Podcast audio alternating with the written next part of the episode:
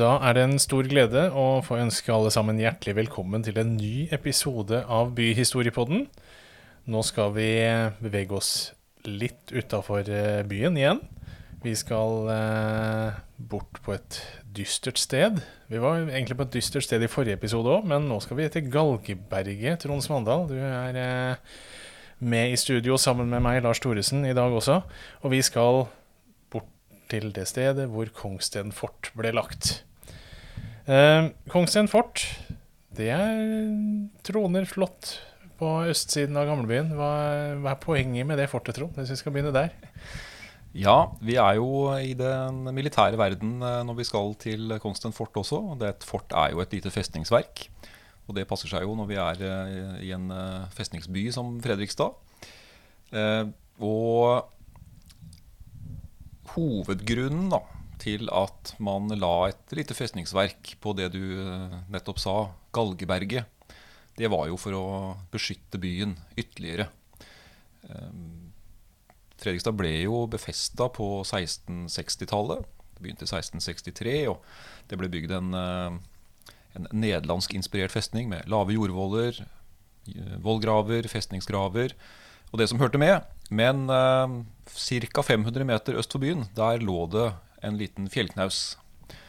Hvor man eh, nok fra starten av historien til byen på 1500-tallet hadde galge, altså retterstedet til byen. Og vi ser på kart og gamle kilder at det het Galgeberget. Det var jo en fare med en sånn fjellknaus. Hvis fienden kom seg opp der, så kunne de skyte rett inn i byen. Og det måtte noe unngå. Så vi er i den militære verden når vi skal ut til Kongsted fort også. Så her ser man rett og slett på omgivelsene til eh, den nye festningsbyen. Så ser man litt på hvilke svake punkter, hvilke farepunkter det er, og analyserer landskapet rundt seg. Og da er dette Galgeberget et eh, farepunkt på østsiden, altså landsiden mot Sverige. Men vi har også flere sånne skal vi kalle det detasjerte festningsverk, er ikke det man kaller det på fint? Jo, øh, Fredrikstad festning var jo et begrep. Du kan nesten si at det, en, det, var en administrativ enhet. For det lå mange mindre fort knytta til uh, festningen. Uh, Sissenjong fort, Isegran fort, Akerøy fort ute på Hvaler. Og helt mot slutten av historien, altså under napoleonskrigene, så ble det bygd lite, en liten skanse ved Slevik for flåten. Alt dette her hørte til Fredrikstad festning og festningskommandanten. Men eh, det største og mektigste av disse eh, detasjerte verkene, som egentlig betyr bare adskilte, det var Kongsten fort. Og det er, Kongsten fort er et fantastisk lite festningsverk. Det er egentlig en liten festning i seg sjøl. Selv. selv om, som mange ofte har sagt opp igjennom, at det er festningen i Fredrikstad. Det er det jo ikke, for det er byen. Men uh, det er et, et, veldig fint, en veldig flott befestning. Mm. For Når vi snakker om Fredrikstad festning, så er jo det egentlig hele sulamitten. Altså alle, alle disse detasjerte verka kan egentlig regnes inn i Fredrikstad festning som en sånn administrativ betegnelse, mer enn nødvendigvis en konkret sammenhengende festning. Men uh, det er jo også det til en viss grad. Altså, det henger jo sammen, dette her. Det, heng, det henger absolutt sammen. Uh, noen uh, hang jo mer sammen enn andre. Hvis du ser Isegran, det gamle Sissenjong-fortet som er borte, og byfestningen, altså vollene rundt gamlebyen, så danner de egentlig en sirkel rundt eh, Glomma, altså der hvor Glomma deler seg. Mens Kongsten fort, ikke minst Akerøy, det er jo ganske langt utafor den, eh, den, innerste befestningslinja. Ja, men Kongsten fort henger jo ganske nøye sammen med gamlebyen, da. Stykke til Akerøya? Det det er litt lenger til Akerøya, det er det. Og det er jo faktisk, som vi eh, skal komme inn på, så er det jo faktisk en forbindelseslinje mellom Kongsten fort og byfestningen, hovedfestningen også ganske direkte forbindelseslinje også. Men uh, vi er da Altså, vi har jo vært innom det her flere ganger i tidligere episoder av Byhistoriepodden, men uh, det ble et behov for en festning i Fredrikstad etter uh, diverse kriger midt på 1600-tallet, hvor man brått taper hele Bohuslän, og hvor denne svenskegrensa havner mye nærmere enn før. Det ble bygd ut befestninger i Halden, og man må også da bygge ut festningen i Fredrikstad. Og det starter jo da på 1660-tallet for alvor. 1663 med utbygginga av skal vi kalle det hovedfestningen, eller altså selve festningsbyen. Og så ser man da at man må gjøre noe også med denne denne knausen mot øst, Galgeberget. Og da kommer det første, første fort eller lille skansen der, den kalles svenskeskremme. Eh, hvor stor og avansert var den, da? Ja, den var eh, Den var relativt stor i eh, omfang, for finnes, det fins kart som viser hvordan, hvordan den var. Eh, det var en ganske enkel skanse. En, en jordvoll med palisader på toppen. eh, og var nok ganske midlertidig i karakter. Eh, og den blir da oppført i eh, 1677 under den såkalte Gyldenløvefeiden. Altså det var jo Eh, Det gikk jo ikke mange år etter at Bohuslän ble tapt og man begynte å befeste Fredrikstad, så ble det jo krig igjen med Sverige. Og da var jo målet egentlig å gjenerobre det som var tapt. Eh, Ikke minst Skåne. Men eh, da så man jo faren da med dette Galgeberget, og det så de nok i 1660-åra også. Men da var kanskje ikke ressursene der. Men nå måtte det gjøres noe på 1670-tallet. Ja, Det er jo ressurser hele tida som det er snakk om, fordi det koster jo litt å bygge ut disse festningene. Og kongemakta har jo ikke ubegrensa med midler. Det var jo stadig vekk eh, Det tok jo tid å bygge mye av byfestningen også. Eh, Det tok jo tid, og det tok jo enorme ressurser. Og de åra her, 1660, 1670, 1680-åra, var vel Må vi vel kanskje si at var de tiåra hvor staten brukte aller mest penger på militære formål. For det var egentlig snakk om å bygge en hel militærmakt opp igjen etter katastrofen i, eh, i 1658. Eh, og jeg tror det er snakk om noe sånn altså Tidvis brukte man 80-90% av statsinntektene på militære formål i de åra her. Så det var en helt enorm eh, ressursmobilisering. Da hadde man kanskje ikke så mye firefelts eh, motorvei å bygge ut, og heller ikke så mye sykehus å drive heller, kanskje. Men eh, allikevel 80-90% er ganske bøst, det. Det er det. Det, det var jo begrensa hva staten brukte penger på utover det militære. Eh, Hoffet kosta litt, og kirken skulle ha litt og sånn, men, eh, men ellers så var det enormt mye som gikk til eh, det militære. Og så hadde man jo Man brukte jo de ressursene en hadde, og det var jo å bruke bøndene til transportering og skaffe til veie alt av materialer, og så var det bondesoldatene som ble utkalt, og som faktisk har bygd fortet, da. Mm. For det er jo litt graving og lemping og skjæving her. Så det er klart at eh, alt krever ikke fancy industrimaskiner som vi har i dag. Det her er ganske mye manuelt arbeid som kan løse mange av utfordringene. Men eh, bøndene skal gjøre litt annet òg. De skal dyrke jorda si, og det er jo grenser for hvor lenge man kan utkommandere bønder og andre til å, til å gjøre sånn type jobb som dette her, selv om det kan beskrives som manuelt enkelt arbeid, mye av det som må gjøres.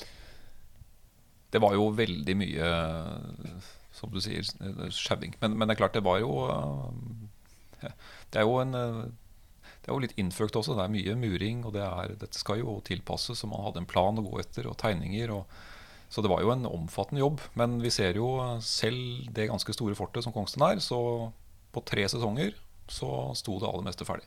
Du sier jo her er en del planer, og det, er jo ganske avansert planlegging som ligger bak. Eh, vi har vært innom eh, mye av festningen før, og den er lagd i utgangspunktet da etter eh, litt nederlandske eller hollandske prinsipper for festningsbygging på den tida her. Da er vi over på en kar som heter Cicignon når vi skal opp på fortet her, er vi ikke det? Det er vi.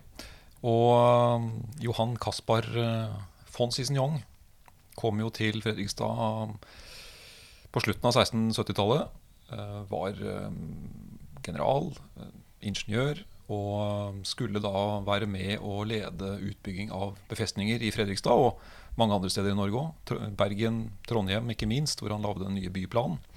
Men Kongsten fort, sånn som det fremstår i dag, Eh, Det begynte en å bygge i 1682, og det var da med planene som Cicignon hadde med seg.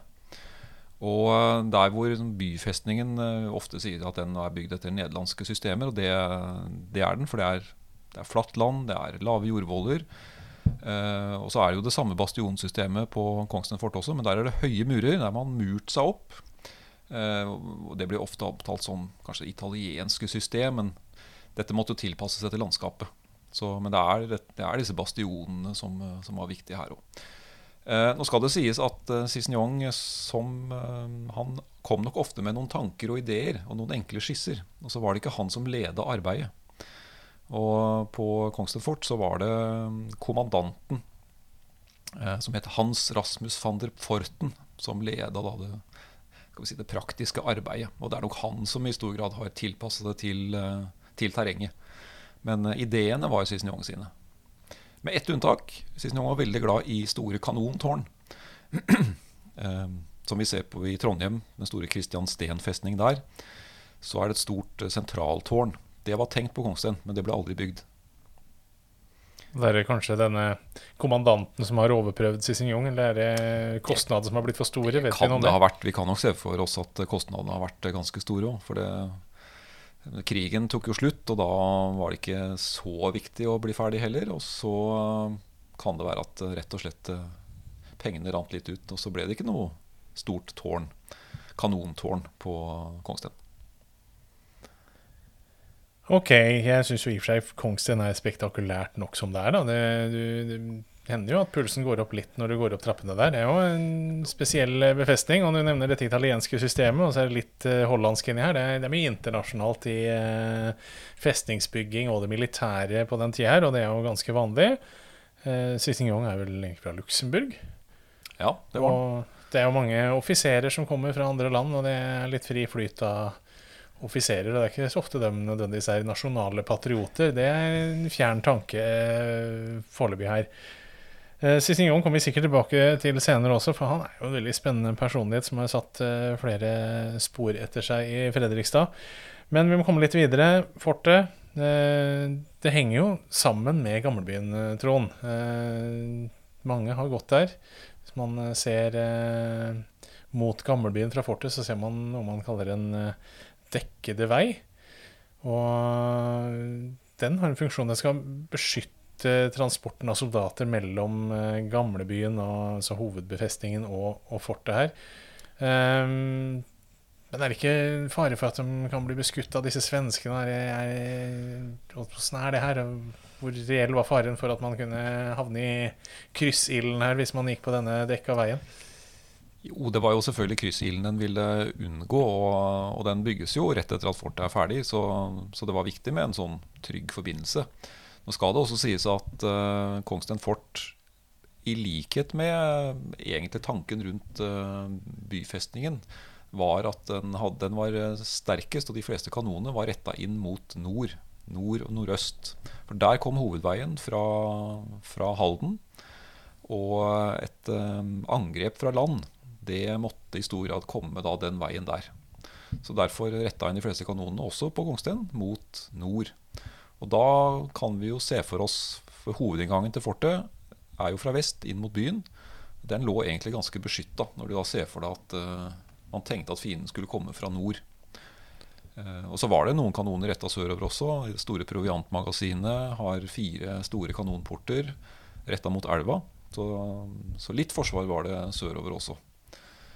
Men, Men, her er det eh, landsiden som skal beskyttes, og da særlig da hovedveien fra, eller hovedadkomsten fra Sverige, der man så for seg at eh, soldatene skulle komme hvis det, svenskene kom. Så hvis du da ble beskutt på den dekkede vei, da hadde man kanskje større problemer enn at nettopp du ble skutt der. Da var, du egentlig ganske, da var du egentlig ganske ille ute allerede der. Nei, Du kan jo si at fortet har to uh, hoved... Uh, det er to hovedgrunner til at fortet ble lagt der det var. Det første var selvfølgelig å å beskytte denne fjellsnausen og sørge for at svenskene ikke skulle ta den. For det ville vært en katastrofe. Altså De kunne skyte rett inn i byen. Eh, og det andre var å holde da en eventuell eh, fiende, den jo, ville da som regel være svenskene eh, på 1600-1700-tallet, holde dem lengst mulig unna festningsbyen. Mm. For en beleiring Poenget for forsvarerne var jo å holde ut en beleiring så lenge som mulig. Og jo lenger unna svenskene var når de skulle starte en beleiring, jo bedre sjanse hadde man for å få etterforsyninger og forsterkninger. Man ville hatt litt problemer hvis eh, selv uten den knausen, om svenskene hadde vært 500 meter unna gamlebyen, så ville man hatt litt trøbbel med hovedfestningen sin hvis de fikk være så nærme å skyte løs eh, med kanoner. Det ville vært uh, veldig alvorlig. Så, så en prøvde å unngå en sånn beleiring så mye som mulig. Så disse utenverkene sørga for at beleiringa eventuelt har starta lenger ut i periferien rundt gamlebyen, sånn at byen i seg sjøl skulle bli beskytta. Jepp. Det var jo et lite blikk på poenget med disse utenverkene. Eh, Hvor sentralt blir dette fortet her, Trond? Altså, det er ikke så ofte det er i kamp heller. Eh, vi hører noen rykter om noen muligens om noen skudd i 1716 i tida hvor eh, Karl den 12. drev og herja rundt omkring i grenseområdene her. Men eh, reelt sett har vel også fortet bare vært i kamp én gang? er det ikke det? Ja, det har det. Eh, og det er jo denne, disse famøse timene i eh, begynnelsen av august 1814. Det er jo eneste gang Fredrikstad var i kamp. Og det det holdt ikke så mange timer, men eh, det sies at Kongsten fort var den delen av festningsverket som, som ga størst problemer for de svenske angriperne. Og beskjøt ganske kraftig, da, særlig da disse svenske kanonbåtene som, som ble rodd opp Glomma. Og det, når en er ute i elvemunningen, Østerelva, og ser innover, hvis du da ser forbi industrien på øra, så ser du jo silhuetten på Kongsvinger fort. Og den, den, lå veldig godt plassert da, for å beskytte elveinnløpet. Men så var jo svenskene litt for sterke da i 1814, og ikke minst fordi de jo kom fra Kråkerøy-sida. Og det var ikke der angrepet skulle komme. Det var ikke det som var planlagt. Så da holdt det i seks timer, og så overga festningen og Kongsvinger fort seg. Vi snakka jo om det litt her i stad før vi starta innspillinga, Trond, at egentlig så mangler et par utenverker her også. Så vi skulle hatt noe både på Solåsen og kanskje hos Balsus. Det ville vært eh, hensiktsmessig for å få denne festningen, totale Fredrikstad-festningen til å fungere bedre. Så for forsvaret av festningen, og ikke minst i 1814, så ville jo det vært eh, Det ville gitt en helt annen både ildkraft og mulighet til å forsvare seg. Nå var det jo sånn i den dansk-norske helstaten at, den, at, flåten skulle være så sterk at eh, det egentlig ikke skulle komme noe angrep over Kråkerøy. Men eh, det, det, klarte vi ikke å unngå, da, siden den eh, danske flåten ble tatt i 1807 av britene. Og når svenskene da først kom, så var de jo overlegne også på sjøen. Så det var ikke noe, var ikke noen stor utfordring å ta Kråkerøy. Og da var, da var egentlig sånn sett slaget om Fredrikstad bare stakk spørsmål om tid. Og det Men, tok ikke så mange timer. Kongsten fort gjorde sitt beste og oppfylte vel eh, definitivt sin funksjon, i hvert fall innenfor festningsverket. At det en, viste seg å være et velfungerende fort uh, innenfor de rammene som var gitt her. Det var det absolutt. Uh, mens Isegran fort, som jo i enda større grad egentlig skulle beskytte elvemunningen, var jo blitt desarmert. Der hadde man fjerna kanonene. Så det ga veldig lite ildkraft mot svenskene. Ja, det er klart. Hvis ikke er kanoner, så sliter du litt med ildkraften, ja. Det, det er ganske tydelig. OK. 1814 er jo et merkeår i gamlebyens historie, eh, men festningen eh, totalt sett lever jo eh, videre en del år til. Kongsten fort, etter at svenskene kommer inn, holder koken litt utover mot 1870-tallet, nedlagt der i 1872. Eh, det er litt før, eh, før, hovedfestningen blir nedlagt. Er det noen grunn til at man legger ned fortet før resten av festningen? Det var nok da ansett som eh, ganske utdatert. Og gjennom det aller meste av 1800-tallet så var jo ikke Fredrikstad ansett som en, verken en sterk festning eller en viktig festning. Det var noen planer om å ruste opp sånn midt på 1800-tallet. Det ble det ikke noe av. Da var det også tenkt at Kongsten skulle både få nye kanoner og rustes opp, men, men, det skjedde ikke. Det var Fredriksten som fikk litt opprustning på slutten av 1800-tallet i stedet. Fredrikstad fikk ikke det. Eh, men eh, så grunnen til at eh, Kongsten fort går ut av bruk 30 år før resten av festningen, det, det var nok at det rett og slett ikke var Det var ikke viktig nok, og det var ikke noe å bruke penger på å opprettholde. Og det å ha en festning midt i det som var i ferd med å bli en Eller ikke midt i, men altså rett ved det som var i ferd med å bli en ganske betydelig industriby etter hvert som den veksten kom. Det dempa vel også kanskje lysten til å innby til militære handlinger så, så nært eh, det industrielle smørøyet her. Eh, ja, og det er klart når vi kommer mot 1880-1890-tallet, så er det jo en betydelig opprustning i Norge. Fram mot unionsoppløsningen i 1905. Men Fredrikstad ble ikke ansett å ha noen stor rolle i det som festning. Marinen brukte byen litt, men, men Kongsten Kongsvinger var et gammelt, utdatert festningsverk når vi kommer fram til det. Mm. Og det gjaldt jo for øvrig i og for seg hele gamlebyen etter hvert, sånn ganske kjapt etterpå. Ja, det, det, er jo ikke det kan jo synes litt spesielt at man i da den opprustninga fram mot 1905 så legger den ned Fredrikstad i 1903. Men det var jo fordi den da ikke var ansett å ha noen militær strategisk betydning sånn sett. Eh, men som garnison og som opplæringssted for soldater så var den jo i bruk i 100 år til. Mm. Det var jo egentlig litt av hovedfunksjonen til selve Fredrikstad festning hele veien. altså Det var en såkalt depotfestning som skulle forsyne eh, holde var et viktig holdepunkt da, i forhold til å forsyne resten av militæret med viktig materiell og folk og hele pakka der, så var jo det nettopp eh, en sentral funksjonalitet for eh, festningen i Fredrikstad hele veien. Så Ja, det var jo på mange måter som hoved, hovedgrunnen til at Fredrikstad ble så viktig som den ble. Eh, det var ikke fordi det skulle være en kraftig festning som nødvendigvis skulle utholde et angrep veldig lenge. Eh, og det er klart Når du får nye tider med, med jernbaneforbindelser og veldig mye annet, så, så forsvinner jo mye av den funksjonen òg. Etter 1814 så var ikke Sverige fienden lenger. Da var man unionspartner. Sånn, I hvert fall fram eh, til eh, stridene før 1905. Så, så Fredrikstad mister jo det aller meste av funksjonen sin.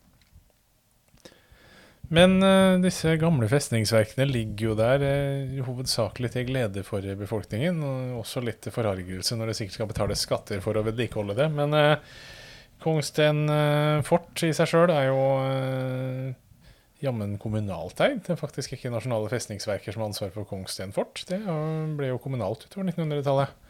Ja, det ble jo faktisk eh, gitt til Fredrikstad kommune under krigen. Eh, senere så er det da Fredrikstad museum som har overtatt eh, forvaltninga av fortet. Eh, og det er jo litt, litt rart, men kanskje var det også bra. Det ble jo satt i stand etter krigen til å være et festlokale og litt sånn kommunalt representasjonssted. For det er jo ganske spektakulært der oppe. og Proviantmagasinet ble satt i stand som festlokale. og har vært i mye bruk eh, opp igjennom, og er jo fortsatt mulig å leie til eh, festligheter. Så, så det fikk jo en helt annen bruk. Eh, så hadde vi en kort periode under krigen også hvor, hvor tyskerne jo etablerte seg i Fredrikstad, naturlig nok. Og da fungerte det tidvis som, som fengsel, som, som arrestlokale. Så det har hatt en litt broket historie også etter at det ble nedlagt som festningsverk. Ja, og så er det jo som mange festningsverk eh, i våre dager. Det er jo ypperlig som kulisse for teateroppsetninger og konserter og andre ting. Det er det også blitt brukt til. Så.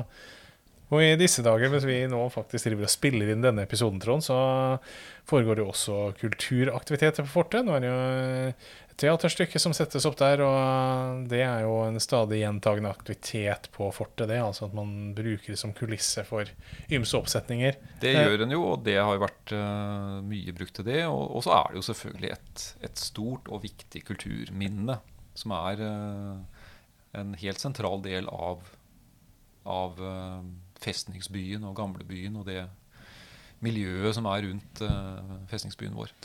Men hvis vi nå tar turen opp på fortet der, altså vi Hvis vi skal forklare innholdet i selve fortet, det har vi ikke gjort. Vi har forklart mye av funksjonen og poenget med å legge et fort der, eh, og at det har vært litt kanoner her og der og, og sånn. Men, men uh, hvis vi starter f.eks. med å gå opp uh, Gå opp trappa Den bratte trappa opp. Da kommer vi fort inn en port, og så er vi inne i festningen og der kan vi egentlig bevege oss mye under bakken også. Det er ikke bare det vi ser over bakken som uh, er uh, gjemt som en historisk skatt der oppe. Nei, og det var jo noe av det som uh, var litt imponerende med fortet da det sto ferdig også. Det er flere underjordiske rom, ofte omtalt som kassematter eller souterrain, som det også het på militærspråket. Underjordisk, et underjordisk landskap. Uh, opprinnelig skal det ha vært uh, ti kasematter. I dag er det litt færre som uh, er der. Noen er fylt igjen. og det var jo viktig for å beskytte da mannskapene ved et eventuelt angrep. Så dette var jo mannskapsrom og lagerrom. Og de er ganske store, mange av dem også. Noen kan man jo gå ned i av og til når det er åpent. Der finner du jo både skyteskår for kanoner, men også en peis, eh, sånn at du da kunne eh, ha mannskapene boende her nede ved en eventuell beleiring. Og etter datidens standard så må var vel da såkalt bombesikkert i praksis, altså at det skulle stå imot ganske mye? Ja, det var, det var jo murhvelvinger, og det var omtalt da som bombesikkert. Eh, bomber denne, gang, denne gangen var jo da eh, kanonkuler fylt med krutt. Eh, det var eh, alvorlige saker, det. Så da var det viktig å komme seg ned under bakken. Men det er jo også altså Det er jo ikke bare disse kassemattene under bakken som er litt spennende. Vi, altså, vi skal avmystifisere litt her. altså Det har jo gått noen rykter om at det finnes en underjordisk gang helt bort til gamlebyen, men det, det kan vi vel avkrefte at det finnes ikke. Den historien må vi nok dessverre avkrefte. Det er nok en sammenblanding med Den dekkede vei, som jo var en forbindelseslinje. Men en lang gang under bakken, det, det fins ikke. Og det det hadde man nok helt sikkert bygd hvis de hadde hatt råd til det, men eh, det var en veldig kostbar affære. 500 meter eh, underjordisk gang bort til gamlebyen, det hadde vært eh, et kostbart prosjekt som man kanskje heller burde brukt penger på. Skal vi si bygge ut enkelte av de andre manglende detasjerte verkene som vi kommenterte her i stad. Ja. Men hvis vi går videre inn i festningen, så er det mange som sikkert har vært på Kommandanten på Allsang eller andre ting her. Det er jo en kommandantbolig her oppe. Det er eh, proviantmagasin. Og så ikke minst et brønnhus. Det er jo til og med en egen vannkilde. Det er det, og det var jo veldig viktig. Eh, den er også bombesikker. Det er et eh, hvelva hus mellom proviantmagasinet og kommandantboligen. Eh, med en brønn, vann, vannkilde. Og Det var jo viktig selvfølgelig for å ha tilgang til vann. Eh, selvfølgelig soldatene trengte det. Men vel så Eller skal ikke si vel så viktig. Eh, men det var også veldig viktig å ha vann til avkjøling av kanonene. Ved et angrep så måtte de da kjøles ned når man hadde skutt litt. Ellers så sto de i fare for å eksplodere. Så det var helt nødvendig å ha store og rike, rik tilgang på vann. Og det hadde man på Kongsten. Så her var det mange fordelaktige sider ved å legge fortet akkurat der, altså. Uh, ja, det, det, var jo det. Uh, og så hadde man jo selvfølgelig proviantmagasinet var lagring av mat. Der var det også en kruttkjeller, og man hadde en bakerovn i kjelleren på kommandantboligen. Så man kan egentlig si at Kongsten fort er et, eh, et fullt operativt lite festningsverk som hadde alle de tinga som man trengte da ved en, ved en festning. Og, og i dette med kommandantbolig så ligger det også gjemt en et hint om at det også var en egen kommandant her, som uh, riktignok var underordna hovedkommandanten i gamlebyen, men, uh, men uh, egen kommandant på fortet. Og Hvis man snur nesa da mot uh, litt nordover, så vil man jo se en litt annen karakter på dette fortet her. Altså mot sør og vest, og i og for seg mot øst, så er det ganske høye murer. Man får passe seg, vokte seg vel for ikke å ramle ned her. Uh, men ser man mot nord, så er det litt mer eh, skrånende, litt mer slakt, skrånende terreng. Uh, og det er jo der hovedangrepet gjerne kommer fra. Hvilken funksjonalitet har disse gresskråningene og sånn mer mot nord? Ja, mot nord så har det jo både det som kalles for glasie, altså denne slake jordvollen som egentlig skulle være et åpent terreng hvor fienden da ved et angrep var veldig utsatt. Man så tydelig når de kom. Og, og gjerne skulle det glasiet da være ligge sånn vinkel med skuddretningen fra hovedvollen. I tillegg på Kongsnes fort så har man jo da en et, et, lite si, fem, fremskutt murverk foran hovedmuren, som jo er består av to halvbastioner. Et hornverk kalles det sånn på fagspråket. Eh, men foran der så er det også en liten befestningslinje, så at du hadde egentlig flere nivåer av eh, befestninger. Og det var jo for å holde fienden unna så lenge som mulig og gi større ildkraft hvis det kom et angrep. Eh, men så er det klart de høye murene som er på Kongsten, så, så hadde de også ganske god skuddvinkel. Så her kunne fienden beskyttes ganske langt unna ved et angrep. Og en, en, en god kanon på 1600-1700-tallet den, den, kunne fort skyte en kilometer.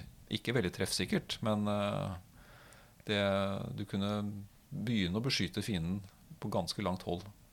Sånn at du kunne dekke det meste av de slettene som jo var rundt fortet og byen.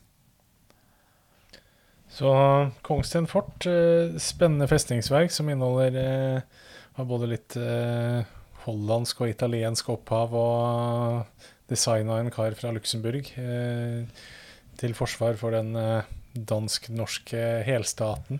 mot disse forferdelige svenskene. Her eh, sier du mye av eh, 1600-1700-tallets historie. Veldig kort oppsummert. ikke sant? Det var sånn eh, 1600-1700-tallshistorien på ti sekunder der omtrent. Men eh, fortet fungerte godt. Det var et godt byggverk. eh, Imponerende byggverk. Det er det fortsatt. Vi kan eh, absolutt anbefale en uh, tur opp dit. Og ikke minst i dag, mest for kanskje vel så mye for utsikten som for uh, de militære hensyna. En av de flotteste utsiktene i, uh, i Fredrikstad. Så det er vel verdt ta turen opp. Du Ja. ser til og med Sverige derfra. Ja, du har fritt utsyn bortimot i alle retninger her, så her får du god oversikt over landskapet, landskapet rundt. Så er det lenge siden du har vært på fortet, eller du aldri har vært der, så anbefaler vi absolutt å ta turen dit. Og så går det jo an å rusle inn i eh, gamlebyen og sette seg på en koselig kafé etterpå og gjøre en fin tur ut av det, om man så er på stolpejakt eller hva man gjør her.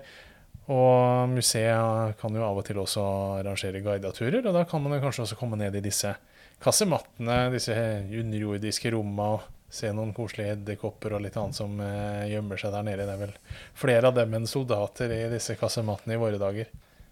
Skal vi si det var det om eh, Kongsten eh, fort, Trond?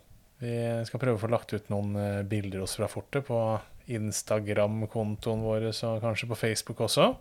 Så kan dere jo om du er langt unna Fredrikstad for tida, eller ikke har eh, mulighet til å gå på fortet akkurat nå, så kan det hende du kan eh, nyte noen bilder av utsikten og innsikten i eh, Kongsten fort via Byhistoriepoddens eh, sider på ymse sosiale medier.